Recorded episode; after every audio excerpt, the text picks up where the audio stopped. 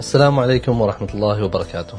أهلا بكم أعزائي أنا محدثكم رعد العبري وأصحبكم في بودكاست عربون مع ضيف ريادي مميز. يشاركنا خلاصة التجربة وخبراته المتراكمة في عالم العمل الحر وريادة الأعمال. هذا بودكاست عربون يأتيكم من هيئة تنمية المؤسسات الصغيرة والمتوسطة. رواد الأعمال في مجال الطاقة المتجددة يحتلوا مراكز الصدارة في تطوير التقنيات المتطورة. ونماذج الأعمال اللي تسخر قوة مصادر الطاقة المتجددة مثل الطاقة الشمسية وطاقة الرياح والطاقة المائية وغيرها اللي تقدم ابتكارات نوعية ومختلفة عن نماذج الطاقة التقليدية. وغالبا تكون بدائل صديقة للبيئة. في هذه الحلقة نسلط الضوء على العقول المبتكرة والعاملين على تغيير قواعد اللعبة اللي يقودوا الانتقال نحو مستقبل مستدام وطاقة متجددة.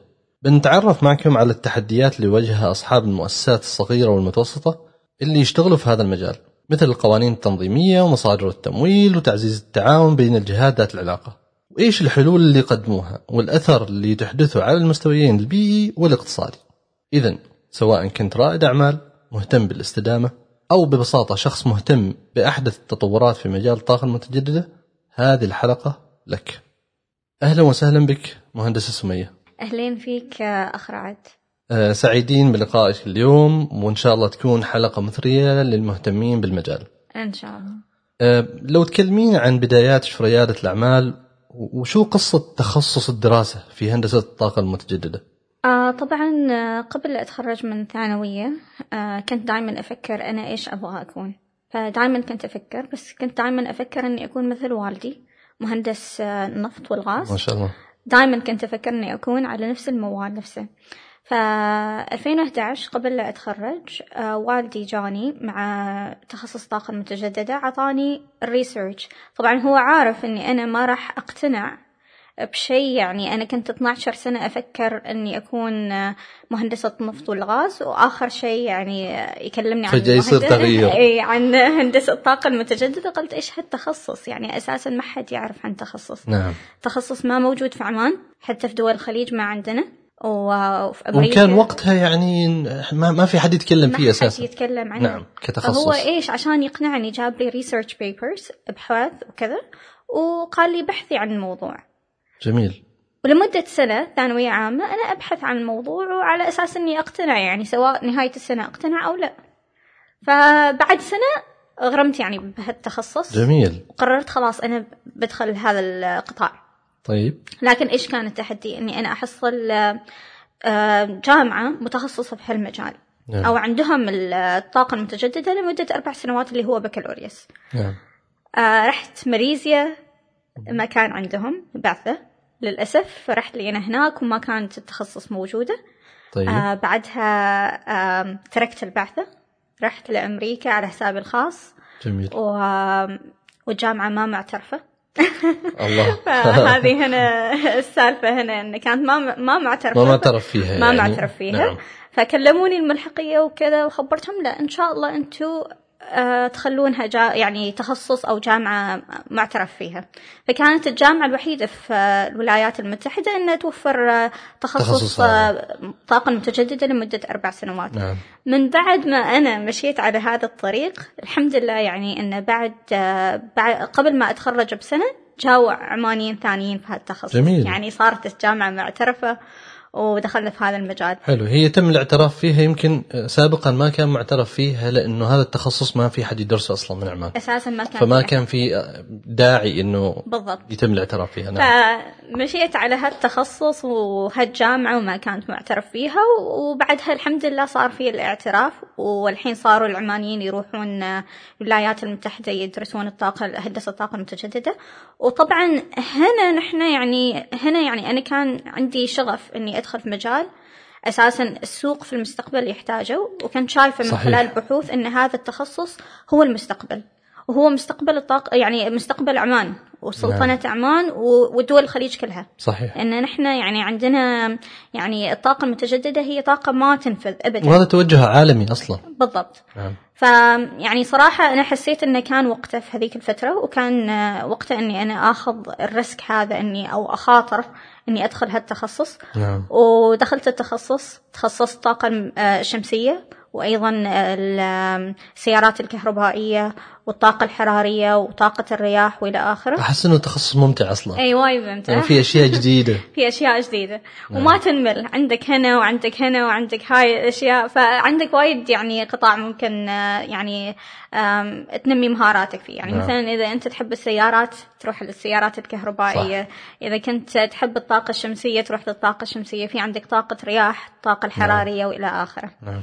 فكان بالنسبة لي شغف والحمد لله يعني بعد ما خلصت تخرجت بهالتخصص. جميل. بس انت آه، سمية يعني صححي لي معلومة. انت لما آه، خلصتي دراسة آه، كملتي دراسة على طول ولا رجعتي تشتغلي؟ إيه. على طول ورا بعض. اللي صار إنه أول ما خلصت دراسة أنا قبل ما أخلص أساسا كنت أفكر هل بحصل وظيفة؟ أوكي. هنا كانت السؤال يعني هل بحصل وظيفة؟ نحن نتكلم عن 2017 ما كان في وظائف طاقة نعم. متجددة في السلطنة. صحيح. يعني إذا أبغى يعني آم، أتوظف راح يكون برا عمان. صحيح. ف... فهذه كانت كذا يعني أنا كنت أفكر في هذا الشيء. فقبلها كنت أفكر خليني أنا أفتح business يلا نفتح business بس كيف أفتح business وأنا ما عندي أي خلفية في ال business فقررت أني أخذ ماجستير إدارة أعمال. أوه ممتاز. بالضبط. قبل ما أتخرج فهو التوجه من البداية إن أنا راح أشتغل في تخصصي لنفسي بس أنا أحتاج إني أنا أثقف نفسي أو أعلم نفسي آه، للب-. كيف أدخل لل business نعم.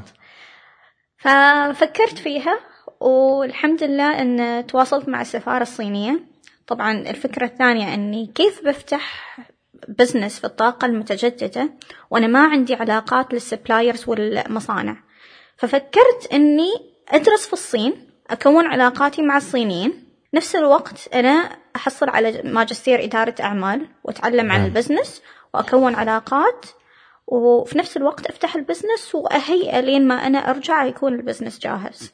فهذا اللي جميل. سويته. 2017 آم، حصلت على بعثة من الحكومة الصينية. بعثة إني أدرس ماجستير إدارة أعمال. قبل ما أسافر فتحت السجل التجاري.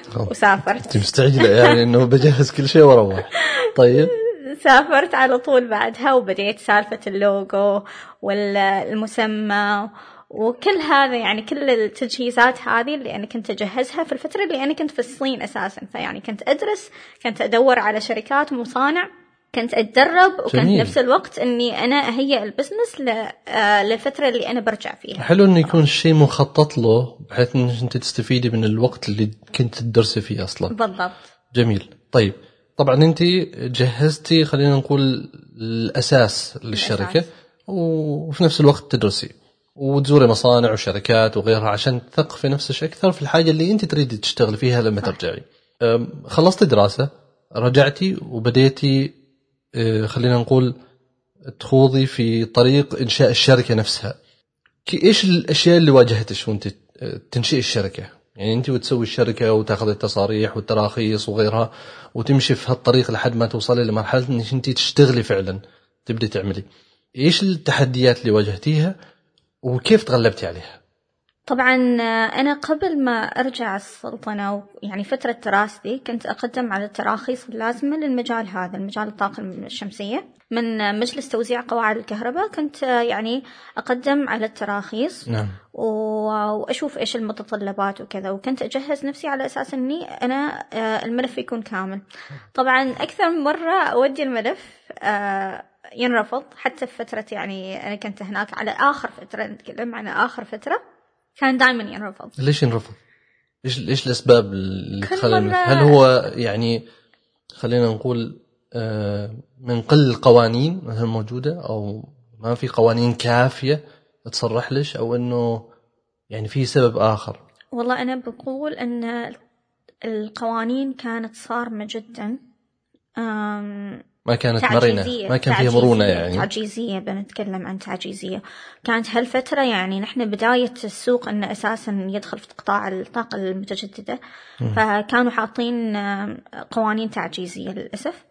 أعطيك بس مثال واحد أن أنا تخصصي الطاقة المتجددة. نعم. وما قبلوني في ذيك الفترة ليش؟ لأن أنتي تخصصك الطاقة المتجددة ومش كهرباء أو هندسة مدنية. أو ميكانيكية حسب مع, إنه. العكس هذا أفضل إي بالضبط بس ليش؟ لأن نحن ما عندنا هندسة طاقة المتجددة في عمان نعم وما كان في ناس أساسا متخرجين في هذا التخصص كنت أنا يمكن الوحيدة اللي متخرجة في فخلينا نقول هم ماشيين على الكتاب اللي يقول إنه بالضبط. تخصص هندسة مثلا كهرباء تخصص هندسة أي. مدنية وما في في ال boxes موجود هندسة طاقة متجددة بالضبط. لذلك ينرفض لأنه ما موجود ما تخصص في موجود القائمة. أساسا. نعم. فما كانوا يعملوا حتى الاستثناءات. وبعدها بديت بموضوع آه، الموظفين وكذا. في اشتراطات كثيرة للموظفين. فكل مرة نودي ينرفض ينرفض. في مرة من المرات آه، وصلت لدرجة إنه يسألوني انتي بنت ليش تريد تفتحي؟ آه، فينرفض انك انت بنت. انتي بنت ليش تريد تفتحي؟ يعني شركة في مجال الطاقة المتجددة. انتي كيف راح تشتغلي؟ كيف راح تسوي؟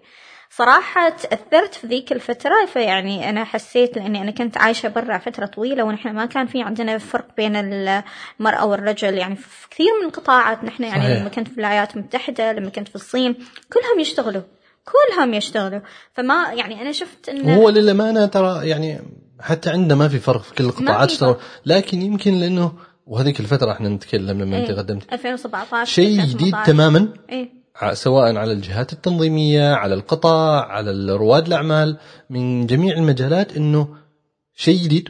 ما في كان شركات أصلا عمانية شغالة في صح. القطاع إلا يمكن شركة أو اثنتين. زائد إنه الإجراءات التنظيمية كانت محددة يعني بدقة بحيث إنه ما تسمح لهم إنه يكون في مرونة في الموضوع. بالضبط. هذا اللي صار. فلما كانوا يقولون أنت ليش تفتحي في هالمجال؟ أنت بنت وكذا روحي فتحي في مجال ثاني وما أعرف إيش وكذا. تحسست كثير وتأثرت. وصراحة يعني لين يومك هذا يعني أتذكر من الشخص اللي يتكلم بهالطريقة وما أنسى هالشيء. طيب. بس بالعكس أكيد يترك اثر في النفس طبعا. الشخص هذا بعد ثلاث أربع سنوات التقيت فيه. وخبرته بإنجازاتي وشافني على آه، يعني على واحدة من المؤتمرات شافني وكنت أتكلم في هذه المؤتمرات وتكلمت عن إنجازاتي وشافني هناك وكان آه، صراحة مصدوم وفرحان نفس الوقت وكذا. جميل. و- مثل ما يقولوا خلي إنجازاتك إيه، تتكلم. اي خليت نعم. الإنجازات تتكلم بالضبط. وأتوقع إن الكلام اللي هو قال لي إياها خلاني أنا أوصل للمكان اللي أنا وصلت اليوم. جميل. كان دافع لسه انك أنت. تتحدي نفسك فيه بالضبط. فتحديت نفسي جميل. ووصلت لهذه المرحلة. رائع.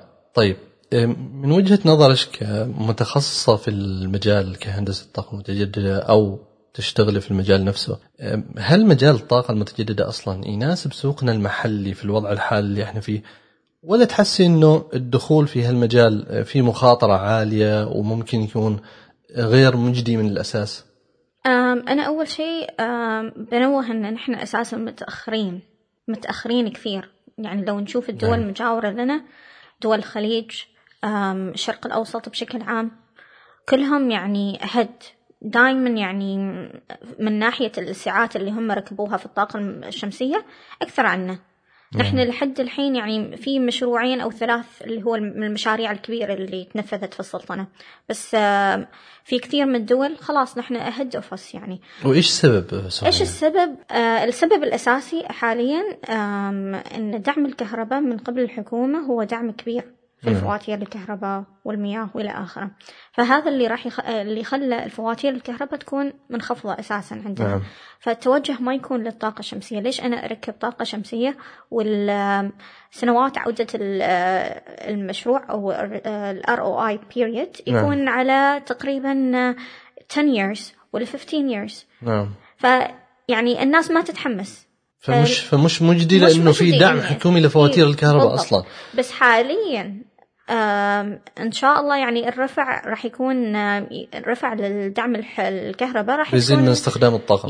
يرفع تدريجيا راح يرفع نعم. فلما كل ما يرفع كل ما يزيد فواتير الكهرباء راح تصير الناس تتثقف أكثر بالطاقه المتجددة إيش آه، ممكن ان هم أساسا انه آه، يفكروا أكثر إنه يركبوا هذه الأنظمة في بيصير. مجدي أكثر تكلفته أقل طبعا مع تطور. التقنيات بالضبط. هذا بالنسبة للأفراد بالنسبة للجانب الآخر اللي هو جانب الحكومة نفسها كدولة أنا من صالحي إني أنا أزيد من تنويع الطاقه المتجدده طاقة الرياح طاقة آه، مياه طاقة الطاقه الشمسية وغيرها عشان تخفف علي عبء دعم الكهرباء أصلا. بالضبط.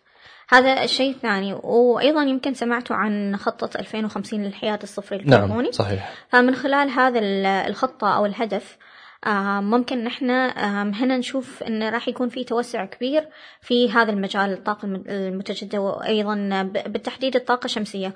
وأيضا إذا لاحظتوا في كثير توجه عندنا في الهيدروجين. نعم. فهذا الهيدروجين يعني الحين بالميا... بالملايير يعني نحن نتكلم نعم. يعني المشاريع اللي قبل أسبوع أعلنوا عنها يعني مشاريع كبيرة. صحيح. وكفيز 1 ونحن نتوقع إن راح السنوات القادمة راح تكون في أكثر من فيس. فإن شاء الله يعني هذا التوجه وهذا جيد للقطاع أصلا. للقطاع أساسا. نعم. أيوة. طيب سمية يعني هل كان في تعاون آه، آه، بين شركتك وبين مؤسسات أو شركات أخرى تطوروا من خلالها حلول الطاقة المتجددة توجدوا حلول جديدة للسوق؟ ولو كان في تعاون إيش تحسي تأثير هذا التعاون أصلا؟ طبعا أول شيء أنا بتكلم عن السند الأساسي لنا كانوا أو ولا زالوا هيئة تنمية المؤسسات الصغيرة المتوسطة. طبعا دائما كانوا هم الداعم الكبير لنا. من خلالهم أيضا كونا الكثير من التعاونات الأخرى. أول أول شيء كانت مؤسسة التجارة والاستثمار هم أكبر داعم لنا وساهموا كثير يعني في إنجاح شركتنا ونجاحنا نحن يعني بشكل عام. من خلالهم نحن قدرنا أن ندخل في أمور ال R&D اللي هو البحث والتطوير. نعم. فسوينا الكثير من ال R&Ds مع بعض. وكفريقنا وفريقهم هم. وهذا إن شاء الله يعني قدرنا إن نحن نعمل commercializing some of the products. يعني بعض المنتجات سوينا عليه commercialize. جربناهم بعد بعد دخلتوا فيها بشكل تجاري. بالضبط. دخلنا نعم. فيها بشكل تجاري. الحين التعاون الأكبر حاليا تقريبا قبل كم شهر وقعنا مع جامعة تقنية وعلوم التطبيقية بعبري. من خلال هذا نحن الحين وقعنا هذه المذكرة تفاهم لعدة أهداف. الأول إغلاق الفجوة ما بين التعليم الأكاديمي وسوق العمل. وأيضا خططنا لهذا الأمر الأمر راح يكون سر إلى الآن. لأن قريب إن شاء الله يعني من بعد ما نجهز أمورنا وكذا راح آه، نعلن عنه. آه، عن هذا التعاون إيش الهدف بالضبط. بس إن شاء الله راح يكون هو غلق للفجوة اللي ما بين الأكياد وهذا بالأمانة محتاجينها. نعم. والشركات إن نعم. شاء الله. هذا كثير ممتازة آه، يعني بالنسبة للطلاب الجامعات والكليات إنه يلاقوا الدعم من الشركات العاملة في السوق خلال فترة دراستهم بحيث إنه لما يتخرج يكون جاهز للدخول لسوق العمل. بالضبط. ما يكون يعني مثل ما قلتي إنه في فجوة ما بين الدراسة الأكاديمية وسوق العمل واحتياجاته. نحن أساسا هذا التحدي اللي نحن نواجهه حاليا لما نجي نبى نوظف العمانيين ما عندهم الخبرة أو المعرفة الكافية بهذا المجال. نعم. يكون عندهم يعني المجال جديد عليهم. صحيح. فنحن ياخذ علينا وقت وتدريب كثير على أساس أن ندربهم. فالحين هذه الفجوة هنا ممكن لا ممكن تسكر. بطريقة أن نحن ممكن نتعاون مع الجامعات و... وتعطوهم المعرفة أثناء دراستهم بالضبط. مش بعد ما فلما نعم. هم يتخرجوا يكونوا جاهزين لسوق العمل. جميل جميل. طيب كلنا نعرف آه، آه، سمية أنه التمويل والدعم المالي من أهم مسببات نجاح المؤسسات والشركات الناشئة.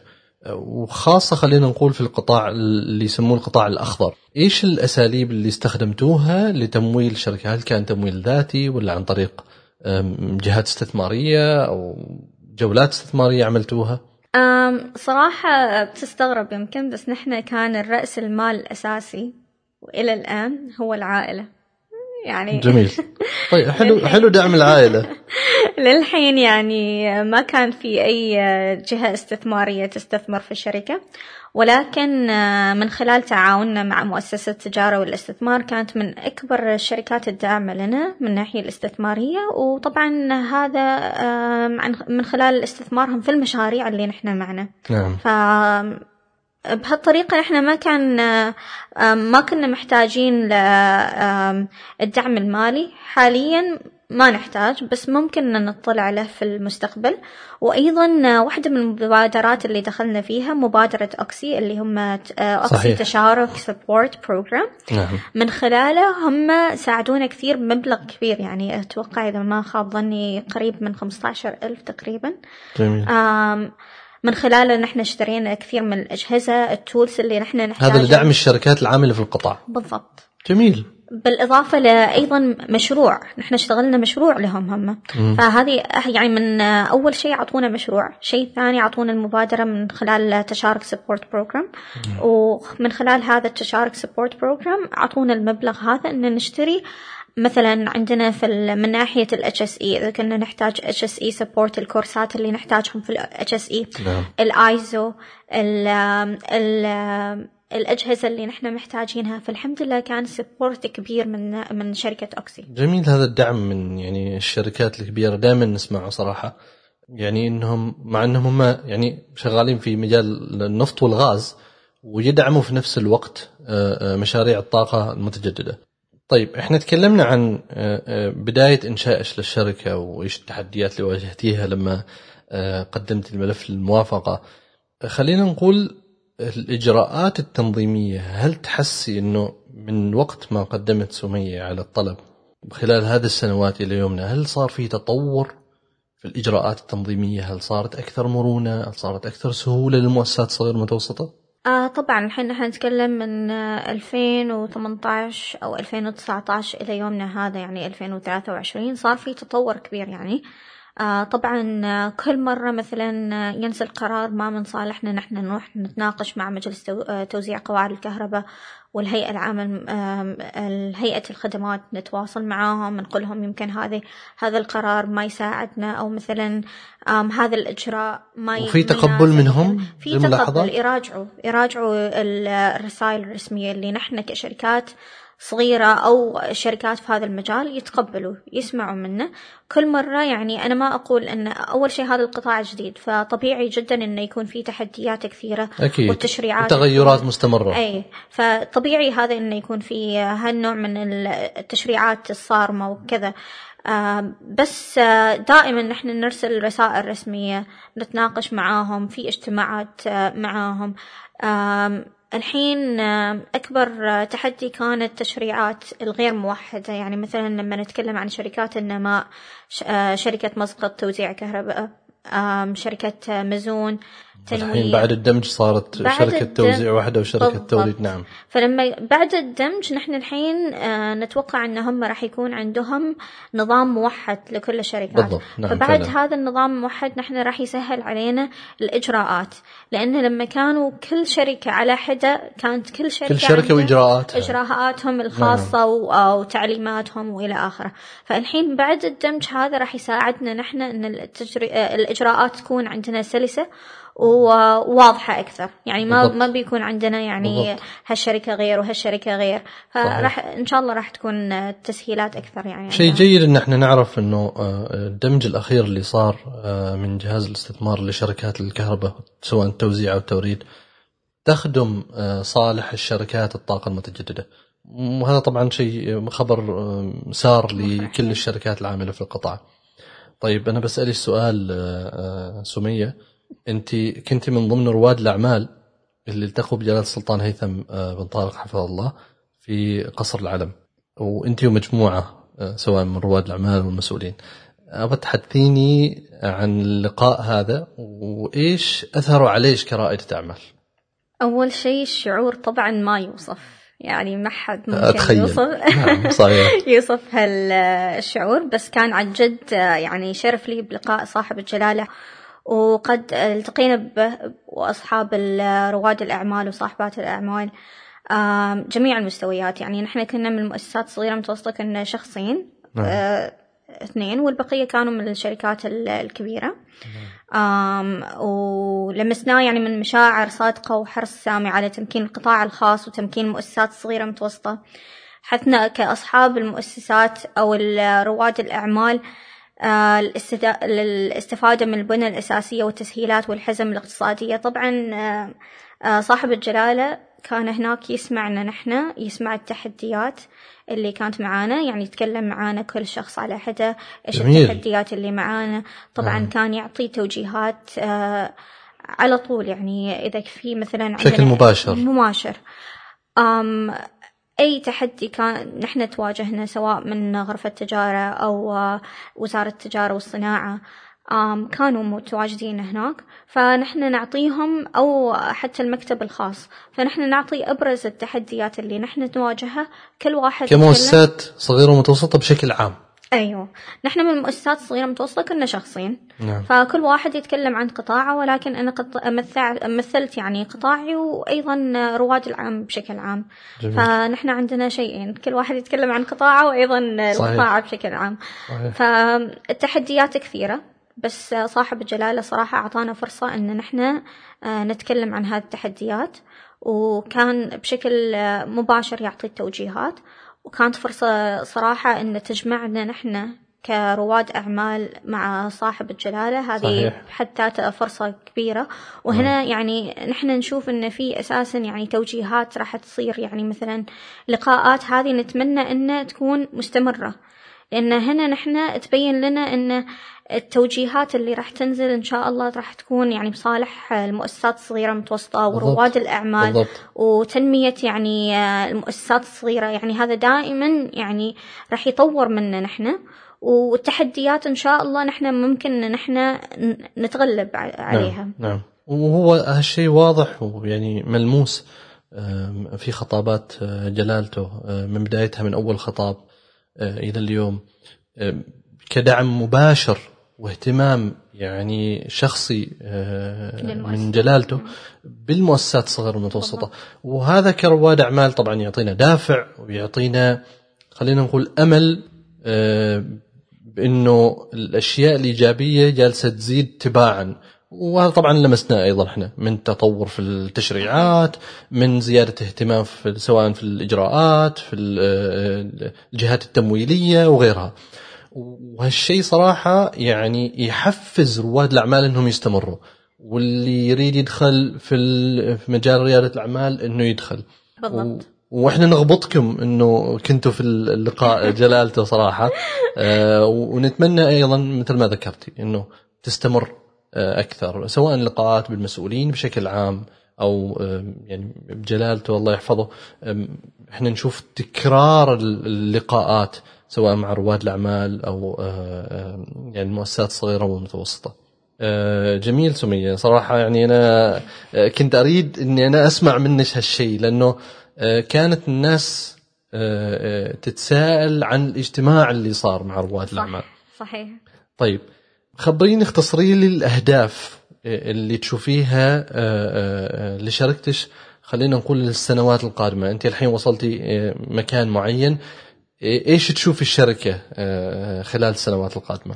تريد الصراحة؟ أيوه أكيد أريد صراحة أنا هدفي إن أعمان كلها تكون سولر كذا ش... كذا بتزعلي وايد شركات إيه، وايد جهات شركات للأسف يعني أنا أنا يعني أعتذر من الشركات اللي بتزعل. أنا أعتذر هي. هذه آتية لا محالة. آه، طبيعي. هذا هدفي وحلمي يعني إن كل كل عمان تكون بالسولر بالطاقة المتجددة إن شاء الله يعني. إذا ما إذا تعرفوا إن الطاقة المتجددة هو قطاع يعني ما تنفذ منه الطاقة وهي بالضبط. مستمر ومن الاسم الاسم. متجددة نعم. بالضبط فهذا هو المستقبل ونحن حقيقة نحن جزء من الاستراتيجيات بدينا في ال ESG ومعايير البيئة والاجتماعية والحوكمة منها الشفافية مع كل الأشخاص الاعتباريين سواء داخل منظمة أو خارج داخلها طبعا نعم. هذا ال ESG هو نفس الشيء آم، من معايير اللي الحين متبعة من أغلب الشركات الكبيرة. نعم. الحمد لله كمؤسسات صغيرة نحن بدينا في هذا الشيء. نحن نطلع أن تمكين الشباب العماني لكسب المهارات في الطاقة المتجددة. جميل. وأيضا نساهم بشكل كبير في خطة 2050 الحياد الصفري الكربوني. نعم. ومن ضمن المبادرات الجديدة اللي نحن نشوف كشركة ممكن نحن ندخل فيها ونشارك فيها هو صراحة آه، مشاريع الهيدروجين. نحن نود يعني ندخل كشركات صغيرة نحن نود إن نحن يكون لكم على الأقل دور يعني بسيط دور يعني نعم. على الأقل بسيط يعني جزء منه. آم، لإنتاج أكبر قدر من كمية طاقة نظيفة يعني في السلطنة. وأيضا مبادرات إن شاء الله الأخرى اللي راح نركز فيها على الأكاديمية مع الجامعات. لأن بالنسبة لنا هم الشباب هم أساس النجاح. يعني إذا هم نجحوا إن شاء الله نحن نح- ننجح أكيد الشيء. طبعا طبعا جميل. طيب آه أنا بسألك سؤال شاطح شوية آه سمية. أم، لو أنا مثلا صاحب بيت واريد يعني أتحول للطاقة الشمسية خلينا نقول وأخفف من عبء فاتورة كهرباء. وصححي لي المعلومه أنا اللي أعرفه إنه المسموح تقريبا 50% من استهلاك الطاقة أنا أقدر احول لسولار آه، أنا كصاحب منزل خاص اليوم وأريد أن أنا آه، أعمل هذا الشيء في منزلي هل تنصحي فيه وهل تشوفي إنه شيء مجدي اني أنا اليوم أصرف مبلغ وقدره على الطاقة الشمسية وطبعا صيانتها الدورية آه، من إنه أنا شوي أخفف من عبء فاتورة الكهرباء، هل مجدي الموضوع بالنسبة لك كصاحب منزل؟ حاليا بقول مجدي ولكن مش لكل احد. يعني كل شخص لا نحن نسوي له عليه الفيزيبيليتي ستدي اللي هو نحن نسوي الاستش... نقدم الاستش... على حسب قيمة الفاتورة مثلا. على حسب قيمة الفاتورة على حسب مساحة السطح اللي أنت عندك نعم. فاضية فيها. على هذا الأساس نحن نقيم. هل أنت بالنسبة لك مجدي؟ يعني إذا كان أقل من عشر سنوات طبعا راح يكون لك مجدي لأن نظام الطاقة المتجددة أو الطاقة الشمسية يعني في ضمان عليه لين خمسة وعشرين سنة. جميل. أقل شيء 25 سنة. الله. هو الضمان 25 سنة بس طبعا ما معناته أنه بعد 25 سنة ما راح يشتغل صحيح. الطاقة الشمسية. طبعا. فيعني أكيد راح يكون مجدي بالنسبة لك. فعلى المدى البعيد ممكن يكون مجدي. مجدي أكثر. نعم. وكل ما زاد رفع الدعم الكهرباء آه راح يكون مجدي كل ما كان أكثر. مجدي أكثر فعلا. نحن عندنا عملاء آه تقريبا اثنين من عملائنا سوينا لهم للمنازل. طبعا نظام بسيط. جميل. آه واحد فيهم 20 كيلو وات واحد فيهم 15 كيلو وات آه اللي 20 كيلو وات خلاص صفر. صفر. okay. يعني آه الحمد لله لأنه هو مساحته أول شيء كافية. نعم. استهلاكه آه يعني آه على قده. فنقول إنه بالنسبة له كان هذا صراحة شيء استثمار جيد جميل. ومجدي. نعم. والشخص الآخر عنده حوض سباحة. ففي حوض السباحة فترة, فترة الصيف أنت ما محتاج المضخات المياه أو سخانات المياه. نعم. ففترة الصيف على ال negative. Okay. فترة يستخدم ال credit هذا اللي عنده فترة الشتاء. يا سلام. اللي هو يفتح فيهم السخانات. فعندنا أكثر من يعني مشروع شفنا فيهم أن العملاء عندنا يوصل لل negative. طبعا ما كلهم. صحيح. يعني كل منزل راح يكون يعني استهلاكه خاص فنحن صحيح. على هذا الأساس نحن نقيم جميل فتنصحيني مثلا كصاحب منزل. لو فاتورتي مثلا عالية وعندي مساحة كافية إني أنا أستثمر أكيد في الموضوع أكيد الحين عندنا أكثر من منزل مساحة كبيرة نحن يعني نركب لهم والحين على مساحات كبيرة فيعني نعم. يعني بالنسبة لهم هذا مجدي. يعني قبل حتى لا يسوون لا يروحون للاستشارات على طول يقول لك أنا أبغى لأن أنا فاتورتي كبيرة وعندي مساحة كافية. صح. فليش ما أسوي؟ نعم. نصيحة تقدميها لرواد الأعمال اللي يريد يدخل مجال الطاقة المتجددة. يعطينا كذا كم من نصيحة يستفيد منها لو لو رائد العمل يريد يدخل في هذا القطاع. أول شيء هذا القطاع يعني فيها منافسة قوية. نعم. لازم يكونوا مبتكرين.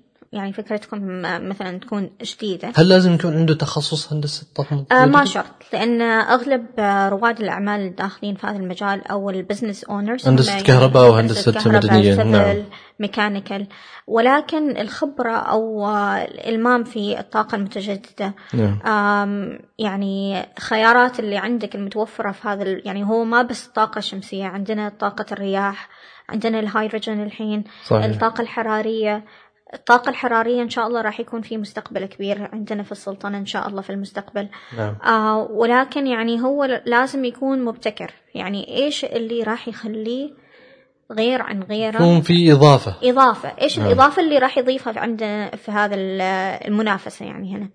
خلينا نقول عشان يكون في منافسة يعني صريحة. يعني مثلا آه نحن عندنا كثير من المنافسين في نفس المجال. إيش راح يكون هو يقدمه كإضافة. فهذه الإضافة راح تضيف إن شاء الله ما يمكن نحن يكون بيننا نحن تعاون أكثر صحيح. يعني بين رواد الأعمال في هذا التخصص نعم. فصراحة أنصح لهم أنصح فيها هذا الصراحة خصوصا الشباب نعم. الشباب ممكن يكون هذه فرصة بالنسبة لهم نعم. إن فرصة وظيفية أساسا يعني ممكن بنفسهم ينموا مهاراتهم يشتغلوا بنفسهم صحيح. يعني ما يحتاج ان يعني ممكن ما يحتاج يجيبون موظفين في المستقبل. يعني هذا يكون وظيفتهم بالضبط. هم. بالفعل. نعم. مشكورة سمية. وجودك اليوم يعني مثري جدا. آه، آه، ونتمنى لك التوفيق. أنت وشركتك في مؤسسة الكون الأخضر. اليوم آه، يعني نورتينا في هذا القطاع في بودكاست عربون شكرا شكرا وأنا تشرفت صراحة باللقاء هذا وإن شاء الله يكون في لقاءات أخرى. إن شاء الله. إن شاء الله. اذا نلقاكم في حلقات قادمة من بودكاست عربون الذي يأتيكم من هيئة تنمية مؤسسات صغيرة ومتوسطة ومن إنتاج شبكة قاف. دمتم في رعاية الله. كان معكم رعد العبري.